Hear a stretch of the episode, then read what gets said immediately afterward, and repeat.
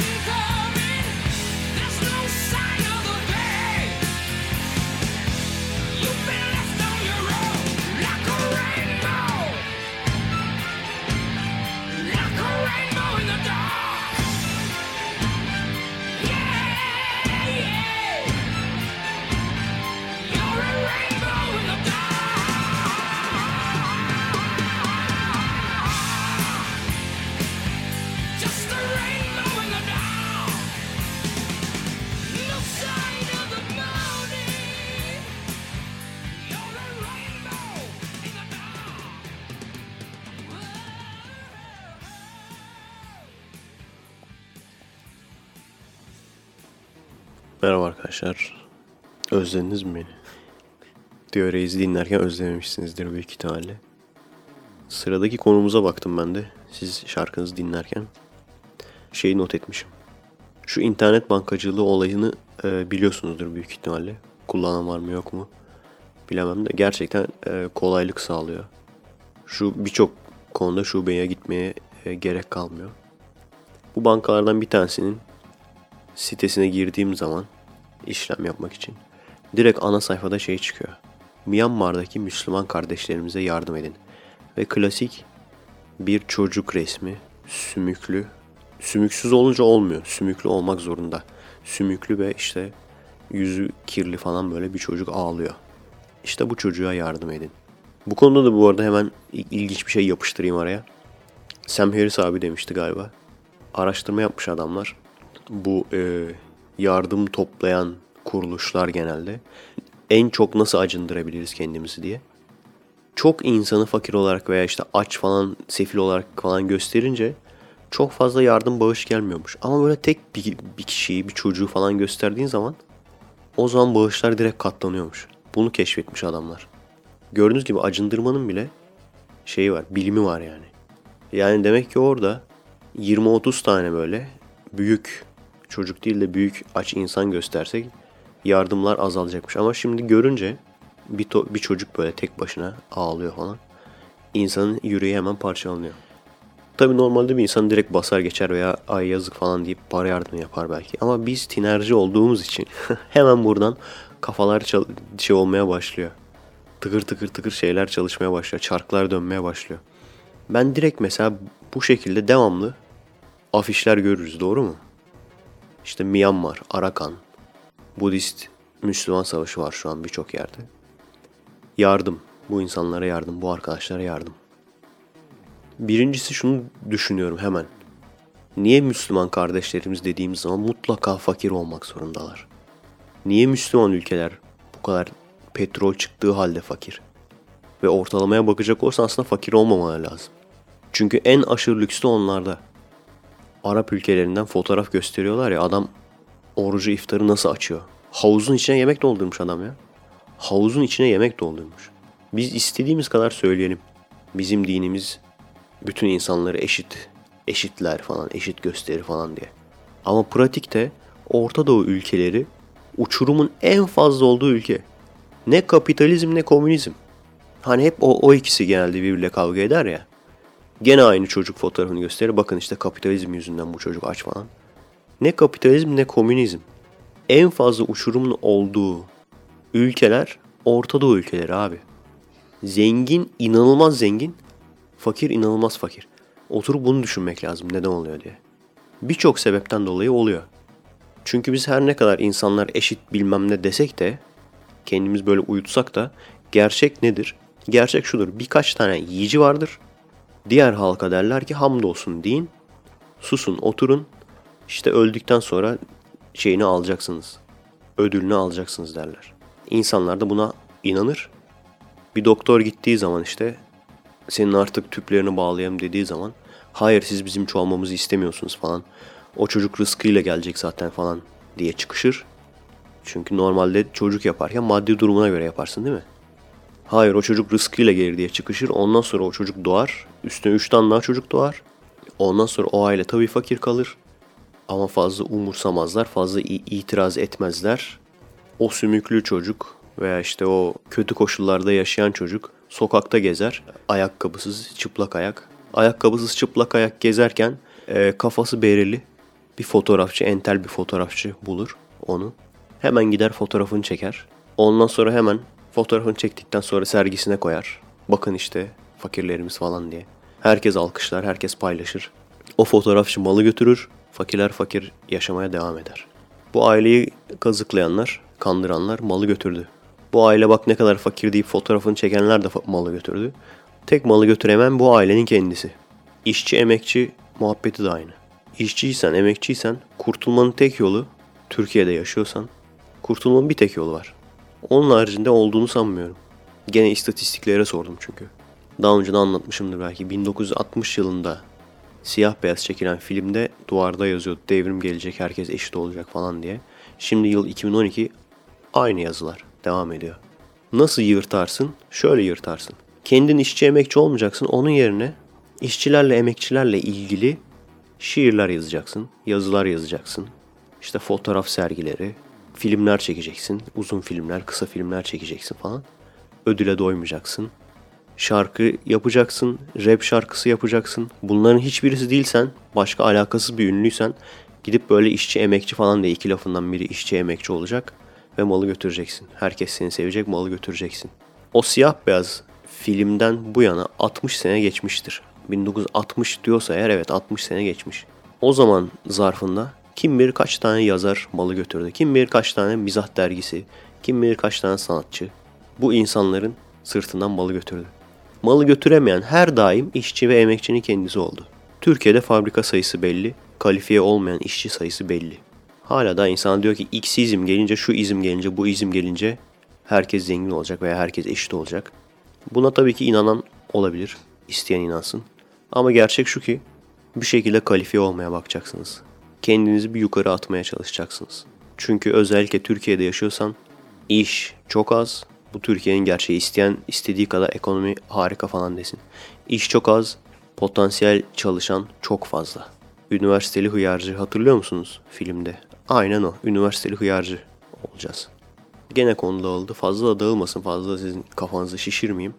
Hemen ikinci gaz şarkımıza geçelim. Eminem'dan geliyor. Till I Collapse. Gerçekten en sevdiğim gaz şarkılarından bir tanesi.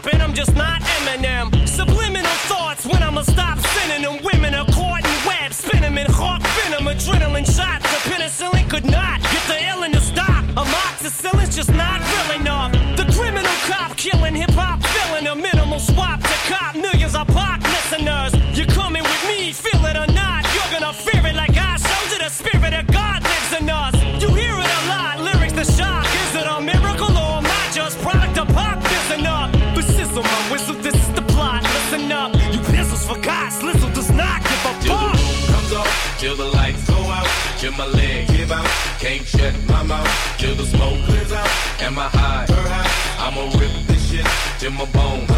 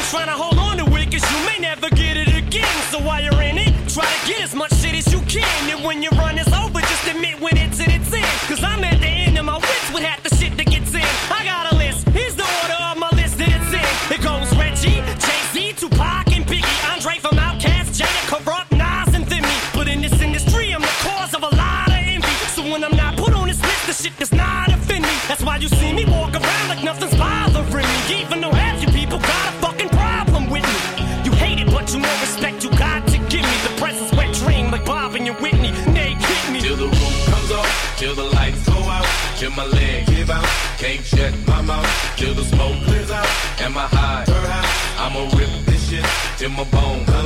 Till the roof till the lights till my legs give out. Can't shut my mouth,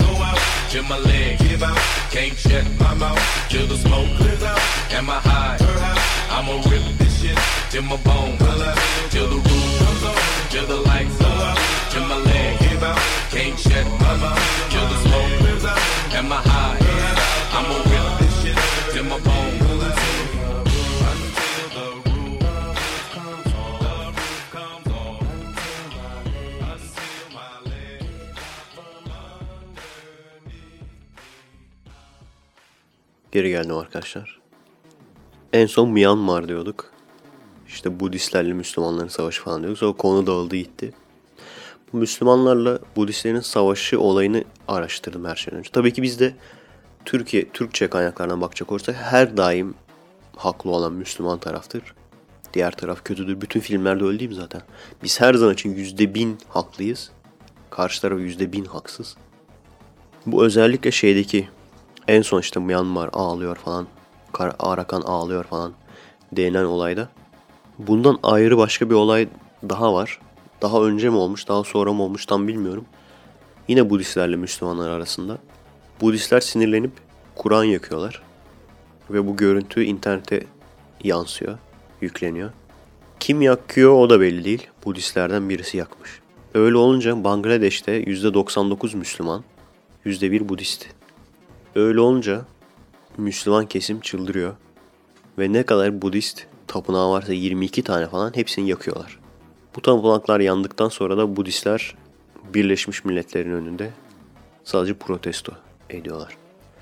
Bu Myanmar'daki olay da birkaç Müslümanın bir Budist kıza tecavüz ettiği yönünde bir dedikodu yayılıyor. Olayı şimdi dikkatli dinleyin. Gerçek mi değil mi bilmiyorum. Dedikodu yayılmış. Birkaç Müslüman bir Budist kıza tecavüz etti diye dedikodu yayılıyor. Bu dedikodu yayıldıktan sonra bu sefer Budistler Müslümanlar ile çatışmaya başlıyorlar. Karşılıklı birbirlerini öldürmeye başlıyorlar. Bu Human Rights Watch denilen bir organizasyon var. Onun raporuna göre çok ilginç şeyler kaydetmişler. Mesela demişler ki bazı Budistlerde cep telefonu vardı. Cep telefonuyla bir yerleri arıyorlardı. Normalde Budistlerde cep telefonu olmuyormuş. Ben onlar da teknoloji ayak uydurmuştur diye düşünüyordum ama normalde Budistlerde cep telefonu olmuyormuş. Bazı böyle hani en agresif olanlar aralarda provoke edenler insanları cep telefonuyla konuştuklarını gözlemledik. Bu da bize ilginç geldi falan. Yani özetle bizim buradan çıkaracağımız sonuç orada savaş olsun isteniyor. İnsanlar birbirini öldürsün isteniyor. Neden isteniyor bilmiyorum. Daha ileriki bir oyunun parçasıdır. Büyük ihtimalle. Şu an soğuk savaş bitti deniyor ama tam olarak ne yazık ki bitmedi. Orta Doğu'da hala da oynuyorlar. Rusya, İran vesaireye karşı Çin, Rusya, İran. Onlara karşı Amerika ve diğer kapitalist ülkeler. Biz de işte o fillerin altında ezilen çimeniz ne yazık ki. Hala da diyoruz ki işte yok şu haklı, şu taraf haklı, yok bu taraf haklı. Biz sadece fillerin tepişmesinde altta ezilen çimeniz. Ne yazık ki. Soğuk Savaş nasıl başlıyor? Sovyetler Birliği'nin komünizmi bütün dünyaya yayma çabasıyla Stalin ve tam tersi Amerika'nın da kapitalizmi kabul ettirmeye çalışması. Şu anda Amerika tabii ki daha güçlü olduğu için dünyanın birinci kötü adamı Amerika diyebiliriz. Ama aslında ne yazık ki kim güçlüyse abicim o kötü adam. İnsanın doğasında var kötülük. Bencillik. Kendi fikrini zorla kabul ettirme. Şu anda Türkiye'de ben çok net görüyorum yani. Bu hala Sovyetlerden kalmış olan Rus komünizm hayalleriyle Amerika'nın kapitalizm hayalleri. Amerika her zaman için kapitalizmi yaymak için İslamcıları kullandı. Hala daha kullanmaya devam ediyor. Karşısında da komünizmi yaymak isteyenler. İşin ilginç yanı bu iki taraf da senelerce birbiriyle kavga etmiş, senelerce birbirlerini öldürmüşler. Türkiye'den bahsediyorum. Ama sadece değersiz bir piyon olduklarının farkında değiller. Ne yazık ki. Yani mesela Amerika stratejik olarak önemli gördüğü Türkiye'nin doğusunu kontrol altına almak istediği için başlıyor işte yok Kürtler dilini konuşamıyor, yok Kürtler kültürünü yaşamıyor, yok cart curt. Millet de sanıyor ki bunlarla çok ilgileniyor, alakası yok. O topraklarda gözleri olmasa umurlarında olmaz. Zerre kadar umurlarında olmaz. Bizler ne yazık ki bu büyüklerin kendi aralarında yaptıkları mücadelede altta ezilen insanlarız. Yaptığımız işi de çok büyük sanıyoruz. Birisi diyor komünizm gelecek, insanlar eşit olacak, demokrasi gelecek. Ne güzel Guinness Rekorlar kitabına gireriz abi. İlk demokratik komünist ülke oluruz. İnsanların özgür olduğu demokratik komünist ülke oluruz. Harika yani. Öteki tarafta şeriat hayalleri. Şeriat gelecek, insanlar özgürleşecek bilmem. Düşünsenize bütün hayatlarını buna harcıyorlar. Bütün hayatlarını buna harcıyorlar. Ama esas gerçek sadece iki büyük gücün birbiriyle olan mücadelesinin Orta Doğu'ya taşınması başka hiçbir şey değil. O onu gazlıyor, o onu gazlıyor. Ne yazık ki biz de bu fillerin tepiştiği alanda doğduk. Bu şanssızlığımız. Daha önce de söylemiştim. Şansımız da direkt aktif savaşın olduğu yerde doğmadık. Orada doğabilirdik. Bangladeş'te de doğabilirdik. Myanmar'da da doğabilirdik. Artılarımız bu. Eksilerimiz de bu. Buna göre yapacağımız şey de belli. İlla benim pozisyonuma düşmeyi beklemeyin. Çünkü işleriniz zorlaşır. Benim söylediklerim moralinizi bozmasın. Tam tersi size moral olsun arkadaşlar. Çünkü ben her zaman için bir çıkış var diyorum. Net var. Bireysel olarak kendinizi kurtaracaksınız. Çıkış bu. Hele ki gençseniz, hele ki sapsanız, direkt geleceğinizi hangi ülkeye isterseniz oraya gitmekle, oraya gitmeye adayacaksınız. Şimdiye kadar beni dinleyip giden ve mutlu olan birkaç arkadaş oldu. Ben tabii ki kendim gitmeden size çok aşırı kesin bilgiler veremeyeceğim, veremem yani. Ama onların tecrübelerinden faydalanacak olursak şimdiye kadar gidenler hep evlenerek giden, gitmişler. Gerçekten en net kesin çözüm evlenmek. Hangi ülkeye gideceksiniz o ülkeden bir bayan ya da bir erkek bulacaksınız ve evleneceksiniz. Yani bütün hayatınızı buna adarsanız eğer çok net rahat gidersiniz yani. Tabii ki öğrenci vizesi bilmem ne bunlar da var. Bunlara da girin. Bunlara benim kafam çok basmıyor çünkü ben öğrenciyken bunları hiç düşünmedim. Hiç dışarı gitmeyi hiç düşünmüyordum. O yüzden kafam basmıyor. Ama bunu düşünün. Artı mutlaka nereye gideceksiniz oradan bir kız arkadaş yapın kendinize. Tipsiz misiniz? Kasın abi. Gidin body'ye gidin. Vücut kasın. Çok ciddiyim ya şaka değil bunlar abi. Bunlar şaka değil abi. Bunların hepsi geleceğe yatırımdır. Gidin vücut kasın, gidin spor yapın, gidin kendinizi geliştirin. Bak ben çok şanslıyım. Neden şanslıyım? Kendimi İzmir kızına beğendirmek için, İzmir kızlarına beğendirmek için yapmadığım maymunluk kalmadı. Sonuç itibariyle amacıma ulaşamadım. Ama ne oldu? Bir ton özelliğim olmuş oldu. Şimdi en azından herhangi bir yere gidersem hiç yabancı kalmam yani. Ortalama bir insandan daha çok işe yarayan bir insan oldum yani en azından. Bu sayede. ne kadar acı değil mi arkadaşlar? Şu an e, Orta Doğu dendiği zaman, İslam ülkeleri dendiği zaman akla direkt gelen şey geri. Geri ülkeler, geri kalmış ülkeler. Çok klasik bir sahne vardır Afganistan'da. Adamın evi falan yok artık. Evinin üst çatısı falan böyle şey. Olur ya gece kondu mekanlarındaki gibi. Adam gene de onun üstüne çıkıp tepeye çıkıyor, çatıya çıkıyor. Orada hala namaz kılıyor hala da. Bu çok ilginç bir kare. Hep bunu gösterirler. Bakın işte İslam yabancı kanallarda hep bunu gösterirler. Bakın İslam ülkelerinin ge- ge- geri kalmışlığı diye. Biliyor musunuz, bilmiyor musunuz? Bilmiyorum. Ama Orta Çağ'da yani karanlık çağ denilen dönem aslında özellikle Orta Doğu, daha doğrusu İslam dünyası ve Çin için tam bir altın çağ idi. Yani aradaki fark o kadar fazlaydı ki arkadaşlar. Şu anki Avrupa neyse Bağdat oydu.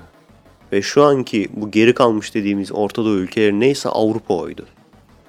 Hani hep övünürler ya bizimkiler işte yatarlar veya kahvede falan atıp tutarlar veya Facebook'ta falan atıp tutarlar. Bakın işte biz bizim bilimimiz çok gelişmiş. Şunu biz bulduk, bunu biz bulduk. İşte matematiği biz bulduk. Gerçekten bakın bilmediğiniz mesela matematikte sayıları ondalık sistemi. Bunları Müslümanlar buluyor. Sayıların kendisini yani hani 1, 2, 3, 4, 5, 6 falan diye semboller vardır ya. Rakamlar yani. O rakamları ilk yazanlar Müslümanlar. Daha sonra Avrupa onlardan alıyor bu rakamları. Yani Arap yazısı esas. Astronomide mesela biz çok fazla Arapça şey gördük. Arapça yıldız ismi. Yani şey değil Latincesi farklı, Arapçası farklı değil. Direkt isim Orijinal ismi Arapça yani. Çok fazla var. Yine böyle Kabe'ye falan en doğru nasıl döneriz falan diye adamlar trigonometriyi falan keşfetmişler. Direkt ez, eziyormuş yani. O karanlık çağ denilen olayda direkt İslam dünyası, Çin falan eziyormuş Avrupa'yı. Bu sefer Avrupa ülkeleri salaklar birbirleriyle kavga ediyorlar. O onunla savaşıyor, o onunla savaşıyor. İngiltere Fransa ile savaşıyor bilmem ne. Bugüne bakacak olursak eğer öyle bir noktaya geldik ki tam tersi oldu. Demek ki tarih bilmek geleceğinizi gerçekten değiştirebiliyor. Geçmişe hakim olan geleceğe de hakim olur derler ya. Büyük ihtimalle adamlar düşündü taşındı. Abicim biz niye karanlık çağdaydık? Çünkü her boku din deyip üstünü kapatıyorduk. İncil'de ne yazıyorsa doğru kabul ediyorduk. Ne kadar bilim adamı varsa saldırıyorduk. Yok dünya yuvarlaktır diyene, yok bilmem ne diyene. Hepsine saldırıyorduk. Daha 1800 yıllarda bile fosil diyen adama saldırıyorlardı ya. Fosil ne demek lan falan diye. Dinozor diyen adama saldırıyorlardı yani. Neden geri kaldık? Din yüzünden. Ha tamam. O zaman Orta Doğu'yu dinle besleyeceğiz ve onları karanlık çağa sürükleyeceğiz. Şu anda Orta Doğu'nun karanlık çağı. İleride karanlık çağ diye bahsedecekler. Bu dönemden, 2012'den. Gerçekten çok üzücü bir durum ama 2012'den karanlık çağ diye bahsedecekler. İran'ın geçmişine bakın, Türkiye'nin geçmişine bakın, Cumhuriyet'in ilk yıllarına, Afganistan'ın geçmişine bakın. Birçok ülkenin geçmişine bakın. Ne kadar modern ülkeler. Reformlarını yapmış çünkü onlar. Yapmış, geçmiş, bitmiş ve devam ediyorlar hayatlarına. Sonra ne oluyor? Amerika teker teker ele geçirebilmek için, kendi adamlarını koyabilmek için dini kullanıyor. Ne kadar yobaz şeriatçı varsa çünkü şeriat demek insanları bir kişinin kontrol edebilmesi demek.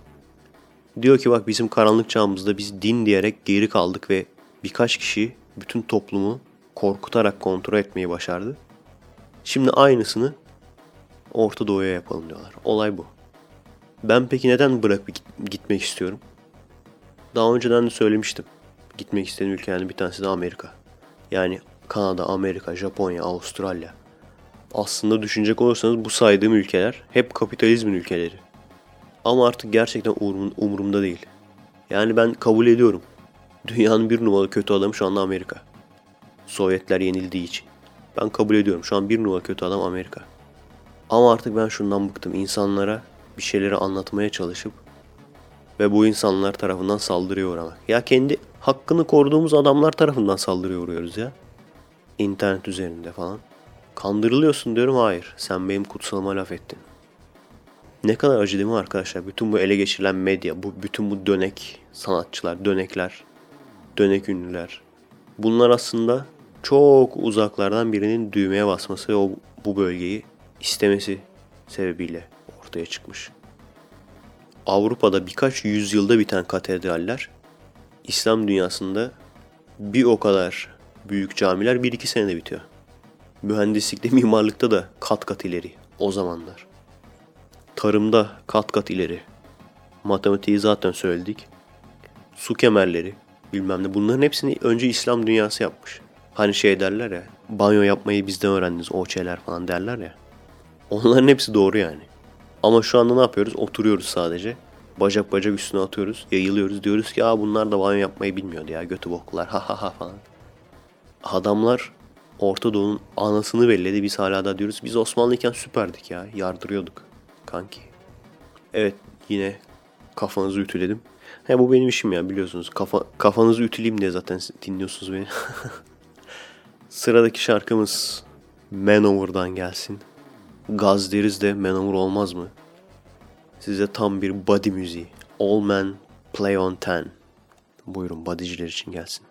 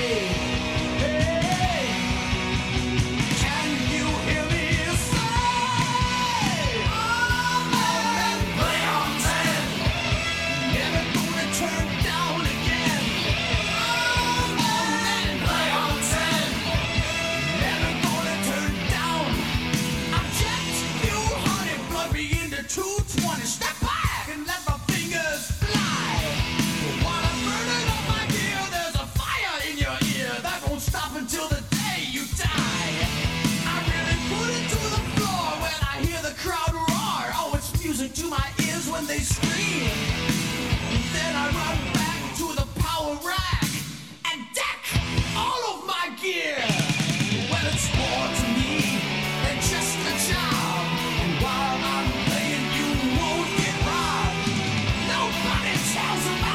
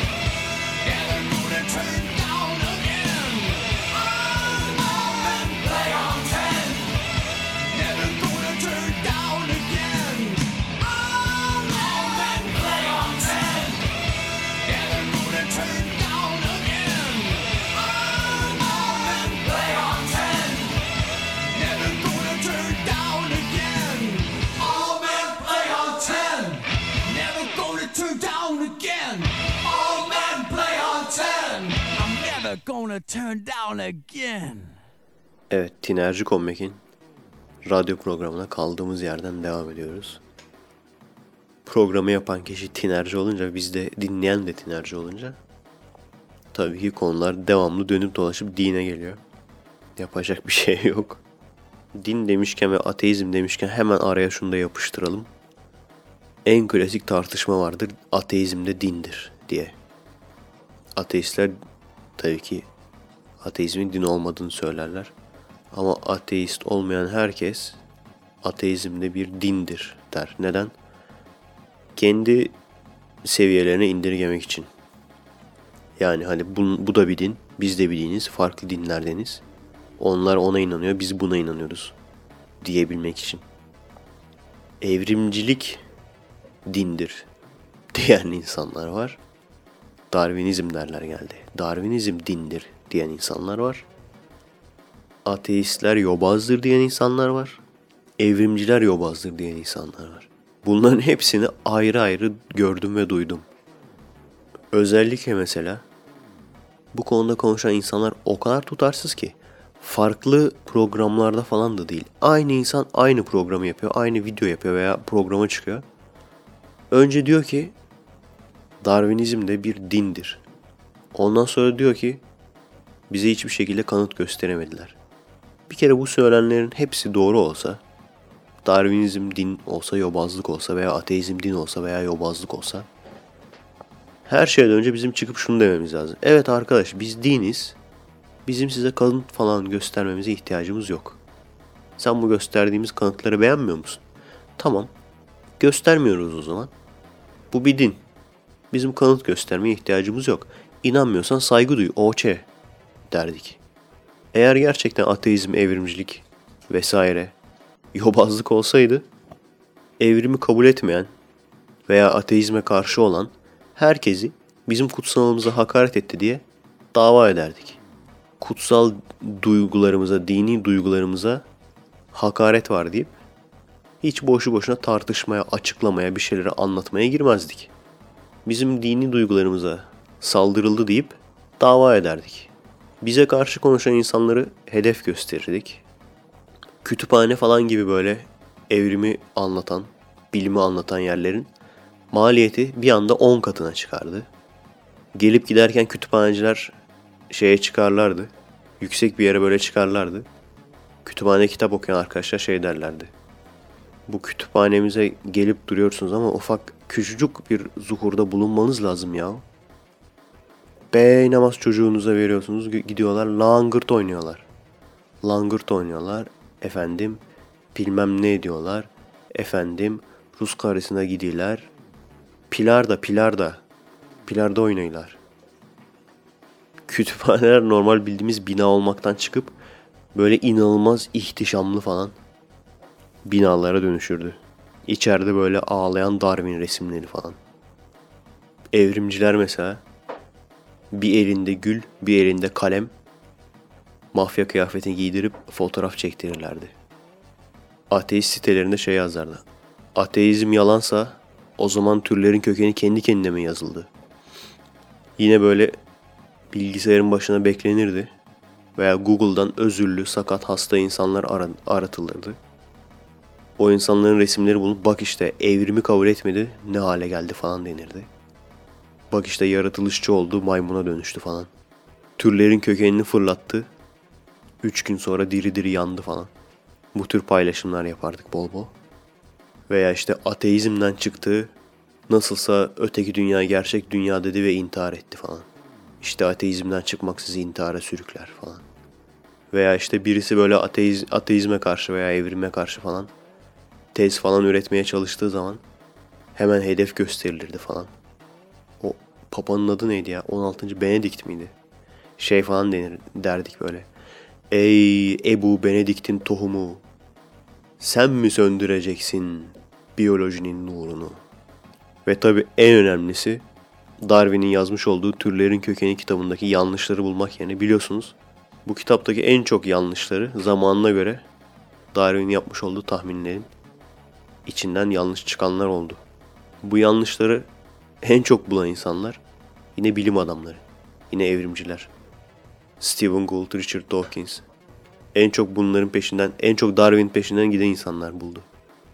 Öyle olmasaydı bu insanlar derdi ki hayır hayır Darwin her dediği doğrudur. Yanlışsa işte e, te- tercüme hatası. Şurada fosil var derken aslında bunu demek istememiştir.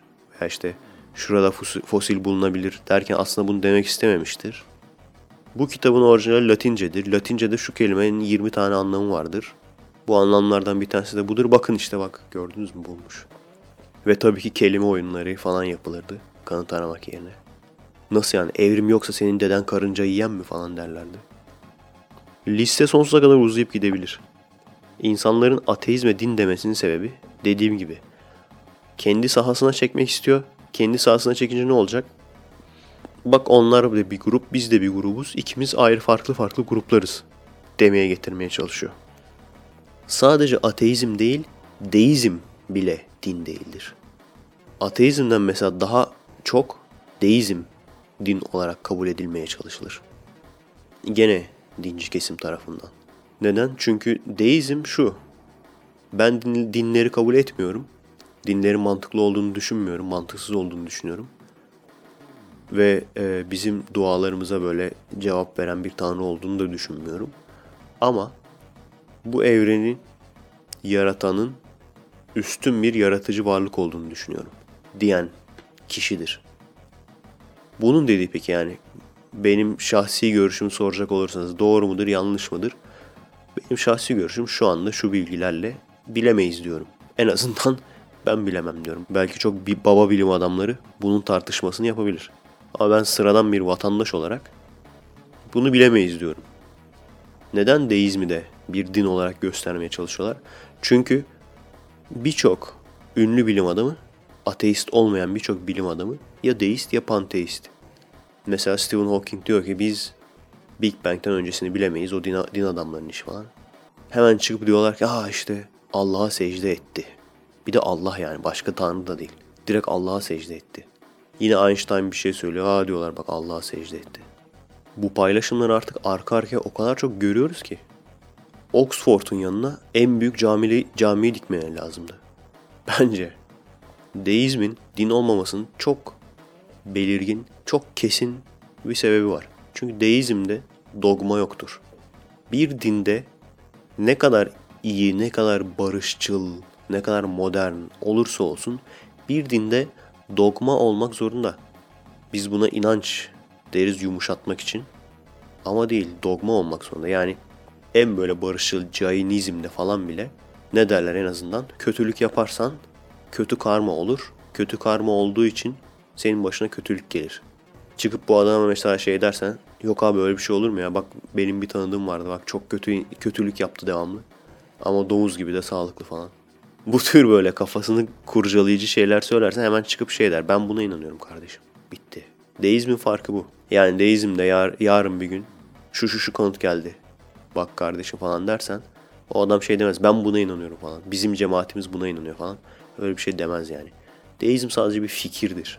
Sadece bir dünya görüşüdür. Bir inançtır. İnançla dogmanın arasındaki fark işte. Bence en büyük fark deizm. Deizm bir inançtır. Neden? Çünkü gerçekten kesin olarak evrenin nasıl oluştuğunu bilmiyoruz. Evrenin nasıl oluştuğunu bulsak bile desek ki kendi kendine oluşmuş. Evet şu şu şu yollarla, şu reaksiyonlarla oluşmuş desek bile peki o reaksiyonunu kim yaptırdı diyebilirsin. Yani sonsuza kadar bilmediğimiz noktayı evet bunu tanrısal bir güç yaptırmış olabilir diyebilirsin. Belki daha önce söylemişimdir. Bence yüzde elli diyebiliriz yani. Belki şu anda biz nasıl böyle bir karınca çiftliğini dışarıdan seyrediyorsak belki de çok üstün bir varlık biz dışarıdan seyrediyor. Olabilir tabii ki. Veya direkt yarattı ve gitti. Veya direkt yarattı ve öldü. Bunların hepsi olabilir. Bunların hepsi veya tamamen bizim hiçbir zaman aklımıza gelemeyecek bir sebepten dolayı yaratıldık. Bu da olabilir. Hatta büyük ihtimalle budur yani cevap. İnançla dogmanın arasındaki en güzel fark. İnanç kötü bir şey değildir. Tam, der, tam tersi inanç iyi bir şeydir. Sen bir yarışmadasın, geridesin. Hatta ayağın sakat, topallaya topallaya gidiyorsun ama gene de kazanacağına inanırsan her şeye rağmen gene de kazanabilirsin. Veya şu hayatta yaşamaya çalışıyorsun. Başına devamlı kötü şeyler geliyor. devamlı bir ton arka arkaya kötülük geliyor. Veya bir hastalığa yakalandın ve kurtulma ihtimalin çok düşük. Kurtulamazsın diyorlar. Ama her şeye rağmen iyileşeceğine inanırsan yaşamaya devam edersin ve belki de iyileşirsin. İnanç budur. Ya da bir kızla tanışıyorsun. internet üzerinden. Böyle şey WoW sitesinden falan tanışıyorsun. Arkadaşların sana şey diyorlar. Abi WoW sitesinden güzel kız mı olur ya falan diyorlar böyle. Sen diyorsun ya olabilir neden olmasın falan. Bu bir inançtır. Peki bağnazlık tam farkı ne? Gittin kızla tanıştın. Kız bildiğin böyle şey pala bıyık. kız bildiğim pa- pala bıyık. Benden çirkin çıktı yani. Ona işte hala da yok hayır güzel olduğuna inanıyorum dersen bu bağnazlıktır. Yarışmadasın geridesin. Birinci adam artık finish çizgisini geçmiş bitmiş artık yani. Sen hala yarışma bittiği halde ben kazanacağım diyorsan bu inançtan çıkar artık. Veya hastalıkta iyileşeceğine inanıyorsun ama öldü. Yani şey yakının veya tanıdığının iyileşeceğine inanıyorsun ama öldü. Öldükten sonra hala da yok ben onun iyileşeceğine inanıyorum dersen bu da bağnazlıktır. Bir şeye inanmakla gerçeği kabullenememek arasındaki fark budur. Biz bizim karşı olduğumuz olay bu. Dinlere insanlar inanç diyerek yumuşatmaya ve iyi bir şey gibi göstermeye çalışıyorlar. Tabii ki dediğim gibi iyi mi kötü mü bu da tartışılır. Bizim için önemli olan doğru olmadığı. Evet bence iyi değil ama tamamen dinsiz bir toplumun refaha ulaşabilmesi için herkesin senin benim kafamda olması lazım. Yani evet şu bir gerçek. Bazı insanlar var kesinlikle yukarıdan bir güçten korkması lazım. Üçkağıtçılık yapmaması için. Veya adam iri yarı seni dövüp cebinden parasını, paranı almaması için gerçekten bir şeyden yukarıdan bir şeyden korkması lazım yani. Bu gerçek. İşte bu insanları sıfırlarsan o zaman ihtiyaç kalmaz. Evet yine çok konuştum. Hemen müziğimize girelim o zaman. Papa Roach isimli gruptan geliyor. To Be Loved isimli şarkı. Ben bu şarkıyı dinlerken hep böyle şey aklıma gelirdi. Hani böyle dövüş filmlerinde olur ya en son böyle dövüşe çalışıyorsun falan. Büyük dövüşe hazırlanıyorsun falan. Hep o gelirdi aklıma. İleride derdim yani böyle bir film olsa bu şarkı koyayım falan. Hemen benden çalmışlar fikri ya. Bir MMA filmi vardı. Never Back Down falan diye. Evet oydu. Hemen onun fragmanına koymuşlar. Şerefsizim aklıma gelmişti abi. Neyse evet. Dövüş filmlerindeki final dövüşe hazırlanma müziği. To Be Loved. Bu arada Eye of the Tiger'ı çalmayacağım. Çünkü ne yazık ki bokunu çıkardılar. Evet şarkımızı dinleyelim arkadaşlar.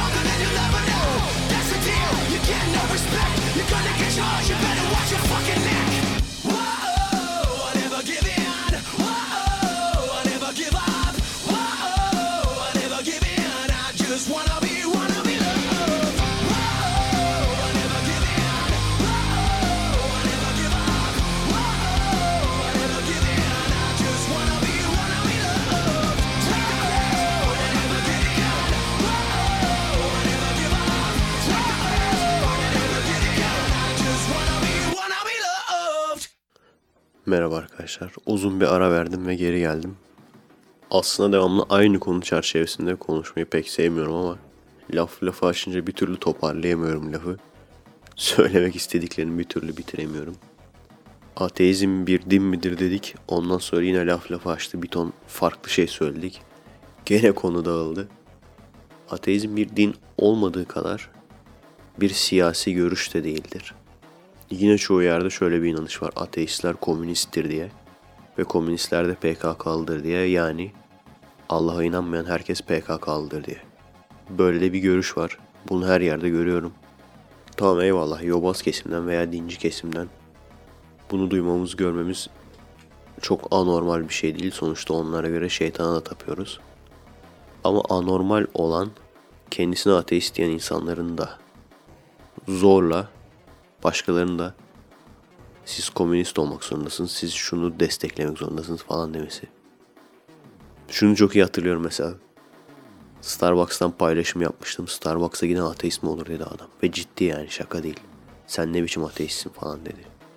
Ateist insanın otomatikman komünist olma zorunluluğu sadece bizde var nedense. İlk önce ateist olmayan arkadaşlar varsa seyreden, şey dinleyen, ilk önce o olayı bir temizleyelim o arkadaşlar için. Böyle bir durum kesinlikle yok. Ateist insanların siyasi görüşü şudur diye bir durum kesinlikle yok. Evet büyük ihtimalle sağcı olmayacaklarını tahmin ediyorum. Muhafazakar olmayacaklarını tahmin ediyorum. Ama yani şu partidendir bu partidendir gibi bir olay kesinlikle yok. Benim etrafımda ki insanlar ekibimde veya arkadaşlarımda kesinlikle bir tane bile komünist yok. Tamamı Kemalist insanlardan oluşan bir ekip. Kesinlikle başka bir şey de demiyorum. Yani ateist olan komünist değil de başka bir görüşe sahiptir falan da demiyorum. Bu yaygın görüş nereden kaynaklanıyor? Ben tahmin edebiliyorum. Programın başında da demiştim size. Şu anda biz kapitalist güçlerle komünist güçlerin arasındaki soğuk savaşın, onların kapışmasının, tepişmesinin altındaki ezilen çimenleriz. Kapitalist güçleri zaten biliyoruz. Peki buradaki komünist güçler ne yapar? Komünist güçlerin olayı şudur. Ben doğduğumda da vardı bunlar. Çok daha önce de vardı. Şu anki olayları şu.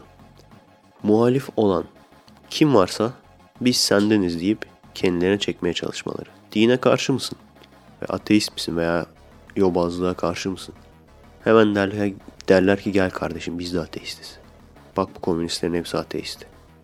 Veya Kürt müsün? Hemen derler ki gel kardeşim ben biz Kürt haklarını savunuyoruz. Kürtçe sloganlar falan yazarlar. Veya işçi, emekçi bunlardan biri misin? Yani çalışıp hakkını alamayan fakir kesimden misin? Hemen derler ki gel kardeşim biz işçi, emek bunlardan yanayız. Nasıl oluyorsa 60 senedir belki de daha fazla senedir bundan yana oldukları halde işçi emekçi hala aynı yerde. Hala hakkını alam alamamaya devam ediyorlar. Veya işte bu kuralcı baskıcı sisteme karşı mısın? Gel kardeşim derler biz de sisteme karşıyız. Gel bizden ol. Sisteme karşı olanlardan ol. Bunu neden söylüyorum? Bu kapitalist güçlere karşıysanız diğer tarafın adamı olma gibi bir zorunluluğunuz yok. Gerçekten insanlar öyle hissediyorlar. Neden öyle hissediyorlar? Çünkü bütün dev medya güçleri, dev işte mizah dergileri, gazeteler ya bir taraftan ya öteki taraftan. En son artık Kemalizmi bile kullanıyorlar yani. Atatürk'ün resimlerini koyuyorlar. Çünkü o noktaya da geldi yani. Çünkü muhalifler aynı zamanda Kemalist oldukları için çoğunluk olarak artık Kemalizmi de kullanıyorlar. Gel kardeşim biz de Kemalistiz demeye başladılar artık. O yüzden arkadaşlar bir tarafa karşıysanız diğer tarafın elemanı olmak zorunda değilsiniz. Veya bir dini görüşünüz varsa o dini görüşün otomatikman bir siyasi görüşü yoktur. Benim söylediğim sözlerin %99'una katılıyor olabilirsiniz. Veya söylediğim 100 tane lafın 99'una katılıyor olabilirsiniz. Ama bu 100.ye katılmak zorunda olduğunuz anlamına gelmez. Benim reis dediğim bir sürü aydın, yazar, Türkiye'den insan var. Ama hiçbirisine %100 katılmıyorum. Birisinin o görüşüne katılıyorum, birinin öbür görüşüne katılıyorum. Bunu unutmayın arkadaşlar. Kendiniz olun. Bu çok önemli. Şimdi birisi gelecek. Gel kanki biz kendimiz oluyoruz. Gel bize katıl falan diyecek değil mi? e, tabii ki benim etrafımdaki insanlar benim görüşlerime daha yakın. Ben kafamdan bazı şeyler belirledim. Şu şu şu olmak zorunda benim arkadaşlarım diye ben kafamdan belirledim. Herkes de belirler yani. Hiç kimse diyemez hayır böyle bir kural yok kafamda falan diye. Herkesin kafasında belli ettiği veya etmediği bazı kurallar vardır. Şu insanlar benim arkadaşım olabilir diye. Şey çok harika ya. Bazen mesela mesaj atıyorlar. Bazen kale almıyorum cevap vermiyorum. Saçma sapan bazı şeyler söylüyorlar. Bazen de harbiden denk gelmiyor yani. Çünkü onar onar geliyor mesajlar çoğu zaman. Ondan sonra direkt gelen şey cevap. Sen de biraz ünlü oldun he- hemen şımardın falan. Hemen ego yaptın falan. Kendini Okan Bayülgen mi sanıyorsun? Çünkü biliyorsunuz Okan Bayülgen olduğunuz zaman o zaman mesajları tersleme hakkınız doğuyor. Abi böyle bir kural mı? Yani ünlü olunca belli bir ünlülükten sonra insanları sallamama gibi bir hakkınız mı oluyor? Kimse kusura bakmasın arkadaşlar. Ben buna yolun en başındayken zaten karar vermiştim. Comex Eleven troll besleme merkezi olmayacak. İstediğinizi söyleyebilirsiniz. Sözlük sitelerinde falan faşist. İşine gelmeyeni siliyor, blokluyor falan. Evet çünkü burası benim babamın malı. Ya babamın çiftliği. Facebook benim babamın çiftliği. Comex Eleven grubu öyle. Hadi Comex Eleven grubu biraz ekibimizin ama Efe Aydal profili. Direkt babamın çiftliği yani. Veya YouTube'daki Comex kanalı. Ben muhatap olmak istemediğim insanlarla tipini beğenmiyorum. Atıyorum yani. Tipini beğenmeyip de silebilirim. Hiç kimse de şunu diyemez. Hayır benimle konuşmak zorundasın faşistsin. Böyle bir şey yok. 120 bin tane site var. 120 bin tane internet sitesi var. O yüzden arkadaşlar o laflar işte benimle konuşmak zorundasın faşistsin bilmem ne. Veya işte benimle muhatap olmak zorundasın yoksa faşistsin falan. Bu laflar bize işlemez ne yazık ki. Biz buranın biraz kaşarlanmış filmcilerine olduğumuz için, kaşarlanmış adamlarına olduğumuz için o laflar bize artık işlemiyor. Buyur istediğin sözlük sitesinde istediğini söyle bana. İstediğin sitede istediğini yaz. Ama benim profilimde ben seninle muhatap olmak zorunda değilim. O senin demokratik özgürlüğünse benim hakkımda istediğin sözlük sitesinde istediğini yazmak. Seninle muhatap olmamak da benim demokratik özgürlüğüm. Kusura bakma. Benim elimde olsa bu davalarla bile uğraşmam yani. Ama o elimde değil diye uğraşmak zorunda kalıyorum. Ne davalarla uğraşırım ne sizin gibi insanlarla uğraşırım. Otururum filmime bakarım yani. Kendini Okan Bayülgen mi sandın dedi adam ya. Bu arada Okan Bayülgen'le ilgili süper bir paylaşım yapmış bir arkadaş. Pardon bir sitede gördüm pardon bir sayfada koymuş birisi. Okan Bayülgen'le ilgili. Çok net güzel bir paylaşım. Zaten Okan'ı sevmedim biliyorsunuz. Onun, onun, onu sevmedim tekrardan söylemeyeceğim. Ama bu paylaşımın güzel yanı şu. Okan her zaman olduğu gibi kapalı alanda sigara içiyor. Genelde söyleşilere gittiği zaman bunu yaparmış. Burada bir bayan uyarıyor onu. Güzel bir dille uyarmaya çalışıyor. Okan da diyor ki sizin yaptığınız faşizmdir. Faşizm lafını duyan gençler hemen o faşizm dedi falan deyip alkışlamaya başlar Okan'ı. Tabii şöyle de bir mantıklı yorum yapan bir arkadaş da oldu. Okan'ın sigara içmesine rahatsız olan bayan niye gitmiş oraya diye. O da doğru. Eğer gerçekten seyirci ise şöyle bir atasözü vardır. Okan'ı getirten sigarasına katlanır. Doğru. Ben benim ok- okuduğum okulda olsaydı ben gitmezdim mesela. Veya yanılıp şaşırıp gidersem de o hareketinden rahatsız olunca direkt hiçbir şey demeden çıkar giderdim. Bu şey gibi yani biraz. Huysuz Virgin'i programına gidip pardon artık huysuz oldu. Virginliği kalmadı rütükten sonra. Virginlik gitti. Ben hep merak ediyorum zaten bu adam kadın teyze kaç yaşına geldi hala virgin falan diye. Bir 10 senedir falan virginliği gitti yani. Huysuz sadece şu anda. Ona gidip mesela huysuz hanım biraz daha şöyle güzel dü- düzgün diksiyonla güzel böyle kelimeler kullanır mısınız falan. Ne o hep böyle bipler mipler falan. Demek gibi yani. Doğru. Ama şöyle bir şey var. O bayan biraz yaşlıca gibiydi. İnşallah hakaret etmiyorumdur. Öğrenci değildir inşallah. Öğrencilere göre biraz yaşlıca gibiydi. Şimdi normalde böyle söyleşilerde gözetmen türü hocalar olur. Ve kapalı alanda sigara içmek yasaktır ve bunun parasal cezası vardır. Artı oranın sorumlusu da ceza yer. Eğer gerçekten gözetmen gibi bir hoca gibi bir şeyse gidip uyarmak zorunda yani. O sigarayı içitmemek zorunda. Onun zorunluluğu. Hadi yani kimin haklı olduğu hiç önemli. Belki de trollemeye gitti bayan. Belki de trollük olsun diye gitti. O da önemli değil. Ama şu çok güzel. Şu çok hoşuma gitti yani. Bu kadar alakasız bir şeye kalkıp hemen diyor ki sizin yaptığınız faşizmdir. Faşizm la- lafını duyar duymaz hemen gel. Ya faşizm dedi sisteme karşıyız oley falan diye alkışlıyor. Harika ya. Harika yani. Okan malını çok iyi bilen bir tüccar. Buradan çok iyi anlaşılıyor yani. Ya bir Allah'ın kulu da çıkıp demedi ki ben sigara içsem senin suratını üflesem sen sigara içmeyen bir adam olsam nasıl olur? Okan bunu düşünecek kadar kafası çalışan bir insan. Empati yapabilecek kadar kafası çalışan bir insan. Peki niye bunu söylemiyor veya niye bunu düşünemiyor? Orada sigara içmeyen insanların rahatsız olabileceğini niye düşünmüyor? Veya düşünmek istemiyor. Çünkü konuştuğu kişiler gençler. Çok fazla insanla görüyorum ki sigara içen insan istiyor ki her yerde sigara içebileyim. Hiçbir şekilde de düşünmüyor yani. Sigara içmeyen insanların üstü başı kokacak mı? Bu insanlar nefessiz mi kalacak? Hiç umurlarında değil. Bir şey oldu mu direkt hani her şeye faşizm derler ya bazı kesim. Aynen bir şey oldu mu direkt faşizm diyor. Faşizm lafını duyunca da ha faşizm dedi falan deyip alkışlıyorlar. Diyorum ya adam çok akıllı. Gençlerin aklını alacak bazı özel kelimeler var. Bir tanesi faşizm. İkincisi sistem. Bak dikkat edin sistem lafını da çok kullanır. Sisteme karşıyız ye falan. Sistem dediği zaman da genelde çok alkışlarlar. Herkes der ki işte tarikatçılar, cemaatçiler şeydir, zombi, bey, zombi beyinlidir, mürittir, mürit kafalıdır. Ama ben şunu görüyorum. Sağ, sol, yandaş, muhalif çoğu insanda bir müritlik geni var yani. Kanında bir, bir müritlik var yani. İlla birini böyle belleyecek. Ne derse hemen ilah, idol. Ne derse alkışlayacak. Ne derse savunacak, ne yaparsa savunacak.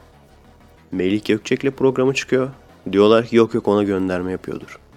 Kendisi devamlı McDonald's, Turkcell bilmem ne reklamlarına çıkıyor. Biz bunları söylediğim zaman diyorlar ki adam para kazanmasın mı? Kazanmasın abicim o kadarcık kazanmasın. Sisteme karşı bir adamsa bu adam yeterince ünlü. Film çeksin abi. Sonuçta adam film otoritesi kısa film şeylerinde jürilik yapıyor. Film çeksin. Çektiği filme nasılsa çok insan gider. Veya muhalif olarak internete yüklesin videolarını. internetten de kazanır para. Benim yaptığım gibi yapsa gene geçinecek kadar para kazanır abi. Kazanamaz mı? Söyleşilere parayla gitsin atıyorum. Yani bu adam zaten yeterince ünlü yani. Bir McDonald's'a ihtiyacı yok yani bu adamın. Veya bir zenginlerin albümlerini tanıtmaları için şey çıkartmaya ihtiyacı yok yani. Programına. Gene itiraz edenler falan olmuş. Bu adam oraya gel geliyor gençlere bilgi vermeye çalışıyor.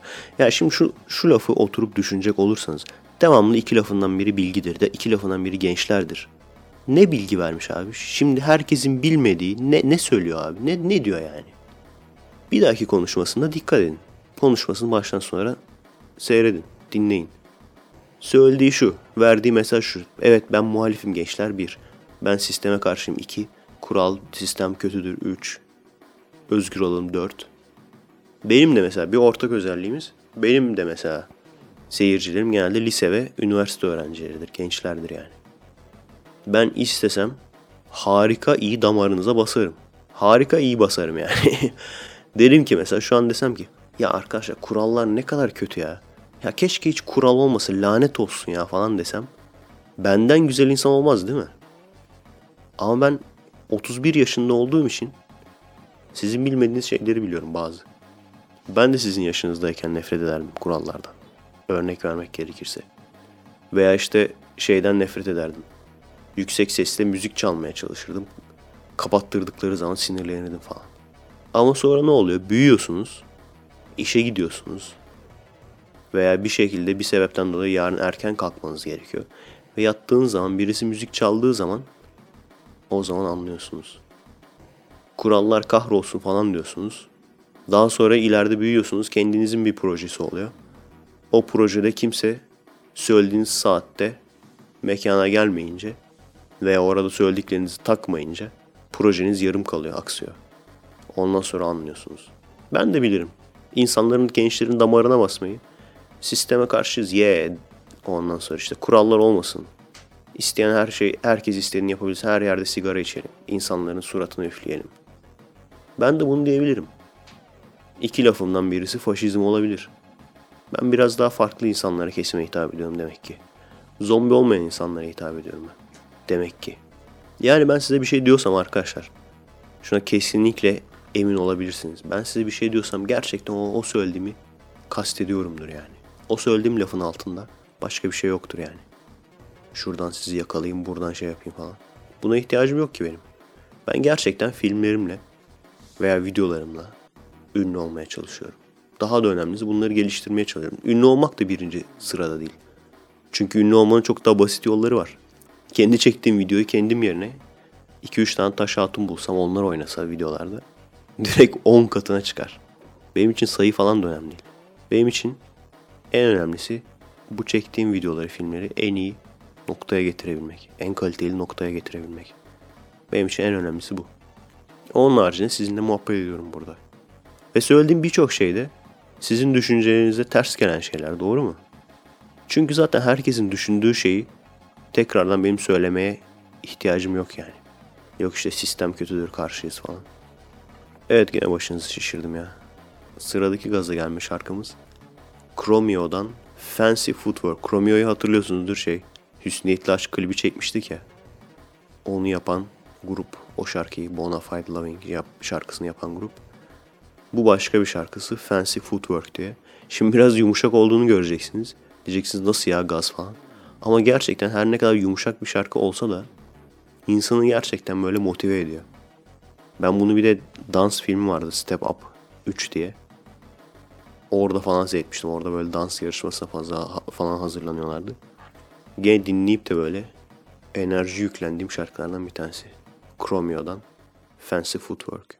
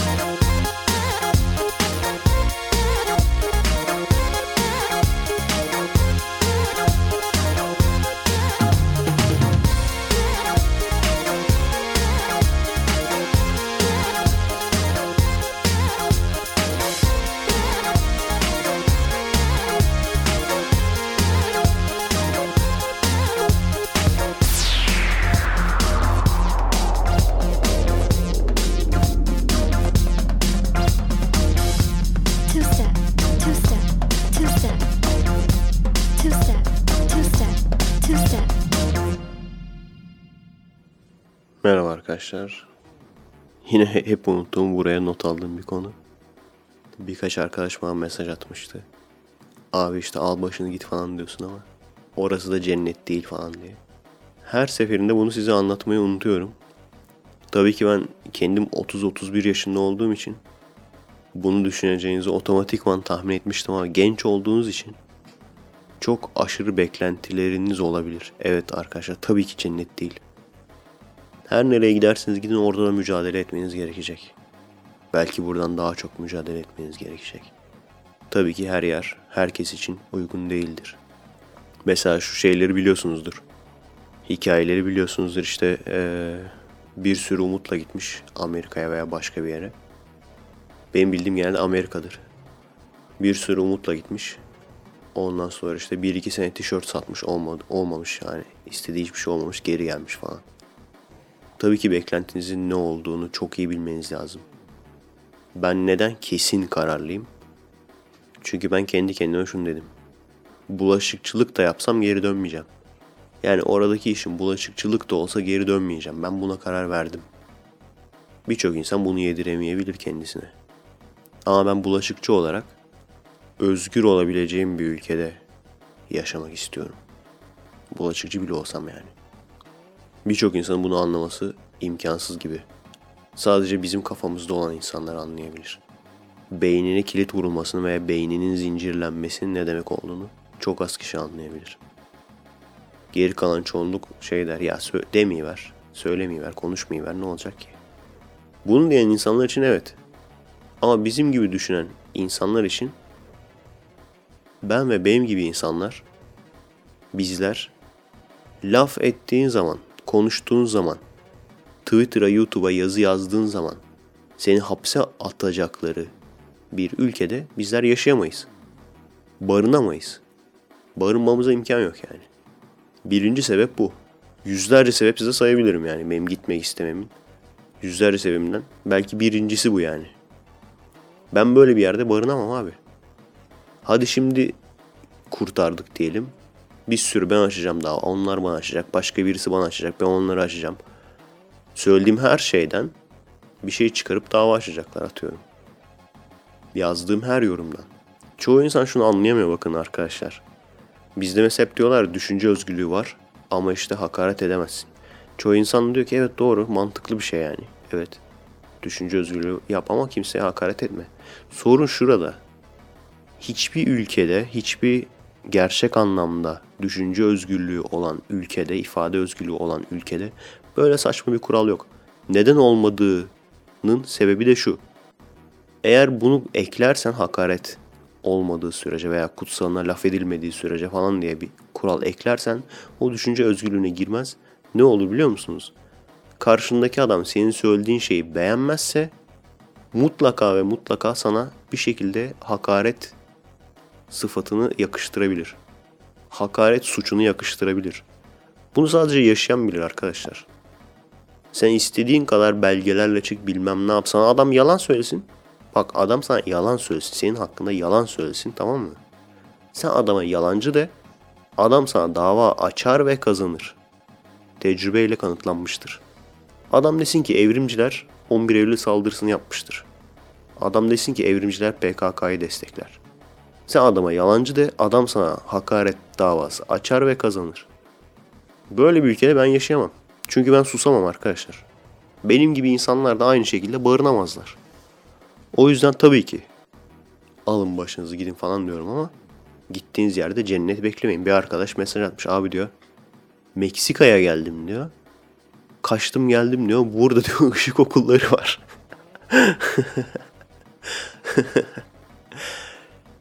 Gitmeden önce de nereye gittiğinizi çok iyi bilin tabii ki. Ne bekliyorsunuz? Beklentiniz nedir? Çok iyi altyapı haz- hazırlayın. Bunlar da çok önemli. Çünkü büyük ihtimalle çok zengin değilseniz bir tane şansınız var. Gidip pişman olursanız yandınız yani.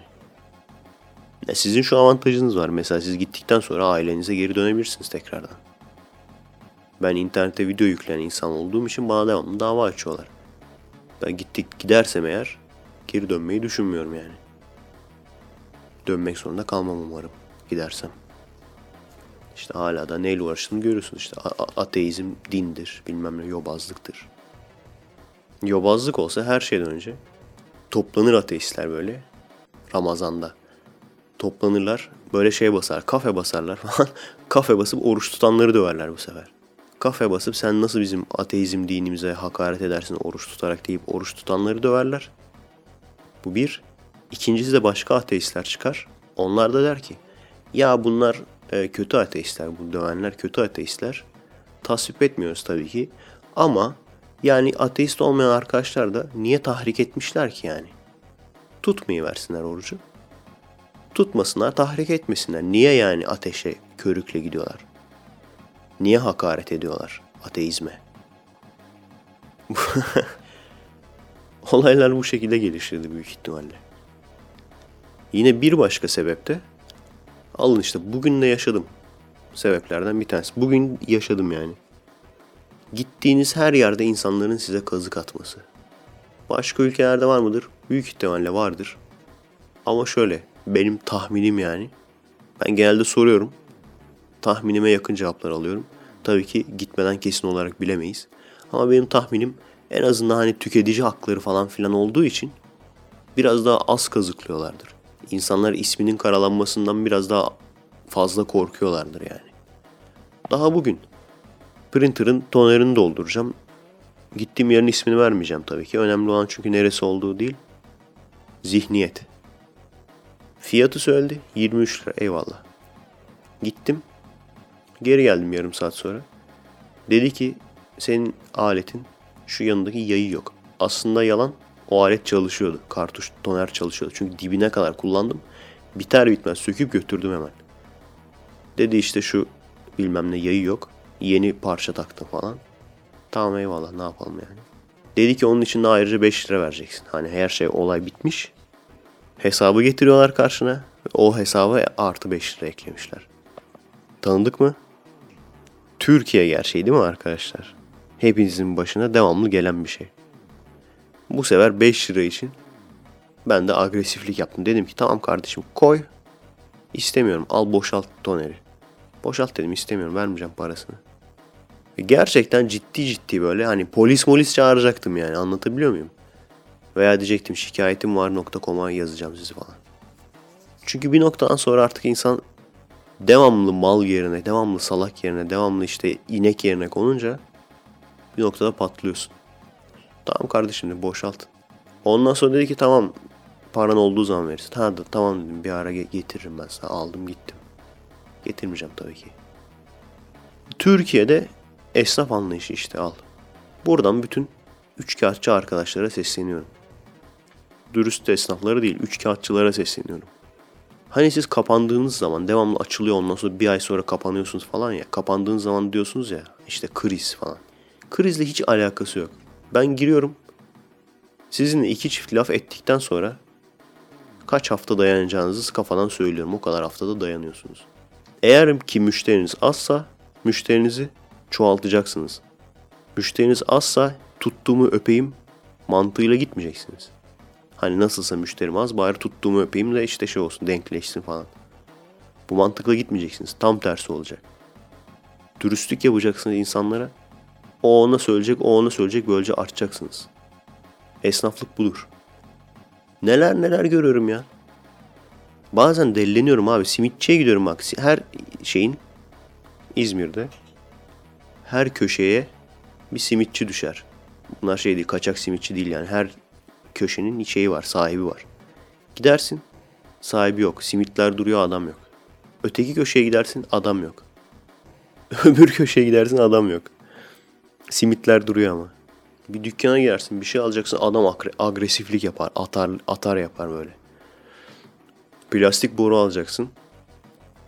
Ortadan keser misin falan dersin böyle. Of pof atar kendisini yerden yere falan. Veya aldığın şey küçükse sallamaz bile seni yani bakmaz bile sana. Ne kadar çok paraya ihtiyacı olmayan insan var memleketimizde. Gerçek demek ki gerçekten ekonomimiz harika iyi yani.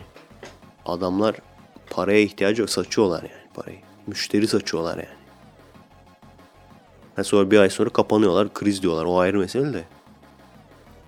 Diyorum ya arkadaşlar ben burada kalmaya devam edersem hapise gireceğim diye. Ya bu şey olmak zorunda değil. Söylediğim bir sebepten, söylediğim bir laftan dolayı olmak zorunda değil. Yarın bir gün 5 lira yüzünden bir adamla boğaz boğaza gelip yanlışlıkla düşünsene yanlışlıkla 5 lira yüzünden birini öldürdüğümü falan. Tam böyle çok ters bir zamanıma denk gelecek. Adam da biraz agresiflik falan yapacak. Sen de farkında olmadan boğazına falan vuracaksın böyle. Alışkanlık. Ondan sonra diyecekler ki ha ha Efe Aydal işte zaten herkes biliyordu psikopat olduğunu falan. Gitti de kurtulduk diyecekler.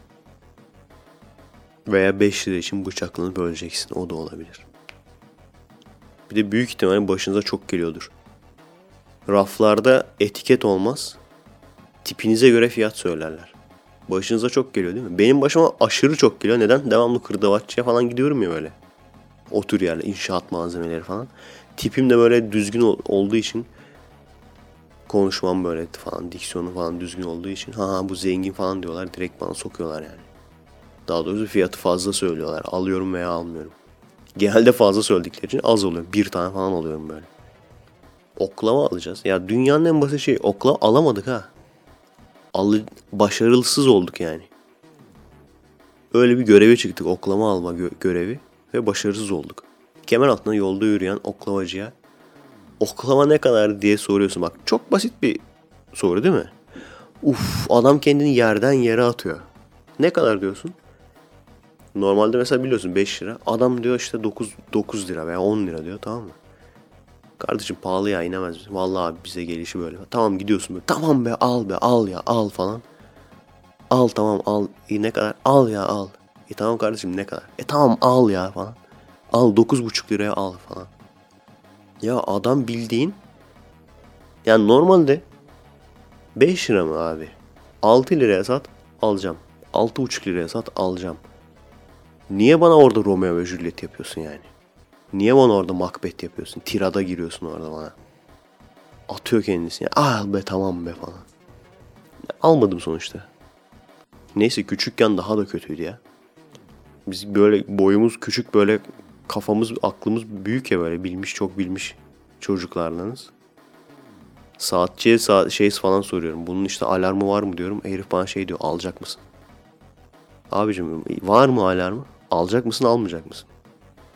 Para biriktiriyorum böyle harçlık, harçlık biriktiriyorum. Hediye olarak halı alacağım küçük böyle bir tane. Halıcıya giriyorum. Şu halı ne kadar abi diyorum. Senin kaç paran var diyor. Abi diyorum şu diyorum halı diyorum ne kadar? Senin cebinde diyor kaç para var? kriz kriz. Bir tane daha güzel bir gaz şarkı girelim. Ondan sonra son bölümümüze geçeriz. Akira Kiteshi'den geliyor. Bir dubstep şarkısı. Pinball. Bu da bana çok enerji veren şarkılardan bir tanesidir. Özellikle koşarken falan bunu dinlerim. Görüşürüz.